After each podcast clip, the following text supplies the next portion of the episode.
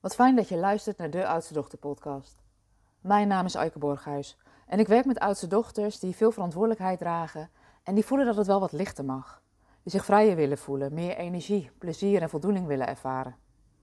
Ik beschrijf van het bestsellerboek Het Verborgen Leiderschap van Oudste Dochters en het is mijn intentie met deze podcast om je bewust te maken en je te inspireren van al die mooie kwaliteiten die je hebt als oudste dochter. En soms ook de valkuilen, want die hebben we ook. En in deze aflevering neem ik je even mee naar wat er een tijdje geleden, of eigenlijk een paar jaar geleden gebeurde. Dat ik de vraag krijg: Mama, ben je stout geweest? En ik neem je even mee. Toen onze dochters nog klein waren, mochten ze iedere zaterdag hun schoentje zetten. En dat schoentje mochten ze zetten nadat Sinterklaas in Nederland was aangekomen. Naast de schoen zetten ze dan ook altijd een wortel voor een paard neer en een bakje water. En er werden Sinterklaasliedjes gezongen. Ik vond het ook altijd genieten als je dan op zondagochtend nog in bed lag en je hoorde die meiden naar beneden stommelen. En dan was het wachten op die enthousiaste kinderstemmetjes, want Piet was langsgekomen. Ze kwamen dan vol trots hun cadeautje laten zien en waren ondertussen al aan het ontbijten met de pepernoten die in hun schoen zaten. Op één zo'n zondagochtend kwam mijn oudste dochter op een gegeven moment naar boven met een serieus gezichtje, een beetje bedremmeld, en ze vroeg aan mij: Mama, ben je stout geweest? En mijn hoofd begon te draaien. Ik denk, wat bedoelt ze toch? Maar ze keek me ernstig aan en zei: Papa, Kim en ik hebben allemaal een cadeautje in onze schoen. En jouw schoen is leeg. Ik vertelde haar op dat moment dat ik was vergeten om mijn schoen te zetten. En dat Piet mijn schoen vast niet had kunnen vinden. Tegelijkertijd gaf ze me op dat moment ook een stevige spiegel. Want ik had voor iedereen een cadeautje geregeld voor in de schoen, behalve voor mezelf. En dit herken ik in het werken met oudste dochters vaker. Ze zorgen vaak voor alles en iedereen, maar vergeten zichzelf. En in dit geval was het niet eens in me opgekomen dat ik een cadeautje voor mezelf had kunnen kopen.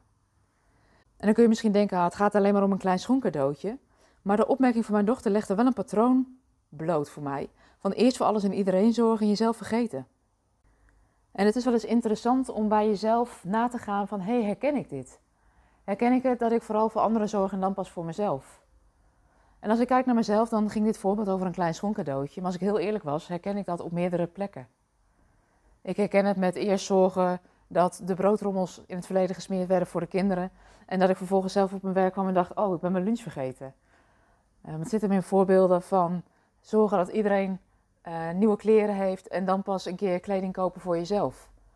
Dus dat van jongs af aan vooral gericht zijn op je omgeving en wat minder op jezelf.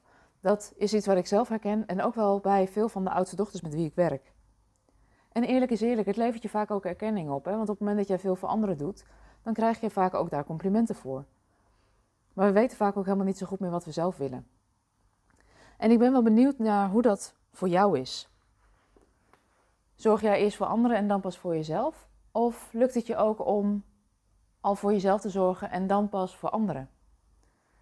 Mocht je nou meer willen weten over oudste dochters en over die kwaliteit en die valkuilen, dan is het misschien nog een leuk idee om het boek Het Verborgen Leiderschap van Oudste Dochters aan jezelf cadeau te doen voor de kerst. Weet dat als je het boek vandaag of morgen bestelt, dat het nog voor de kerst op tijd bij je binnen is. Dus ik zal ook de link naar het boek in de aantekeningen bij deze podcast neerzetten. Het boek maakt je bewust van al die kwaliteiten en valkuilen die je hebt als oudste dochter. Geef meer uitleg in hoe het komt dat je makkelijk voor anderen zorgt en dan pas voor jezelf. En het boek kan je helpen om je eigen heldinnenreis te gaan maken, om stap voor stap de regie terug te nemen over je eigen leven en werk, zodat je meer plezier, energie en voldoening haalt. En misschien is het wel heel mooi, juist op dit moment zo, voor het einde van het jaar. Vaak een moment dat je terugblikt naar 2023 en misschien dan wel vooruitkijkt naar 2024. Wat ik van veel oudste dochters heb gehoord, is dat er veel puzzelstukjes op zijn plek zijn gevallen door het lezen van het boek. En dat is wat ik jou ook gun. Want je bent het gewoon waard om goed voor jezelf te zorgen.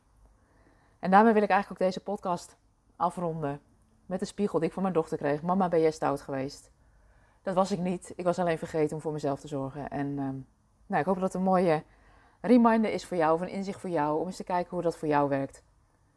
Ik zie je heel graag in een volgende aflevering en ehm, een hele fijne dag.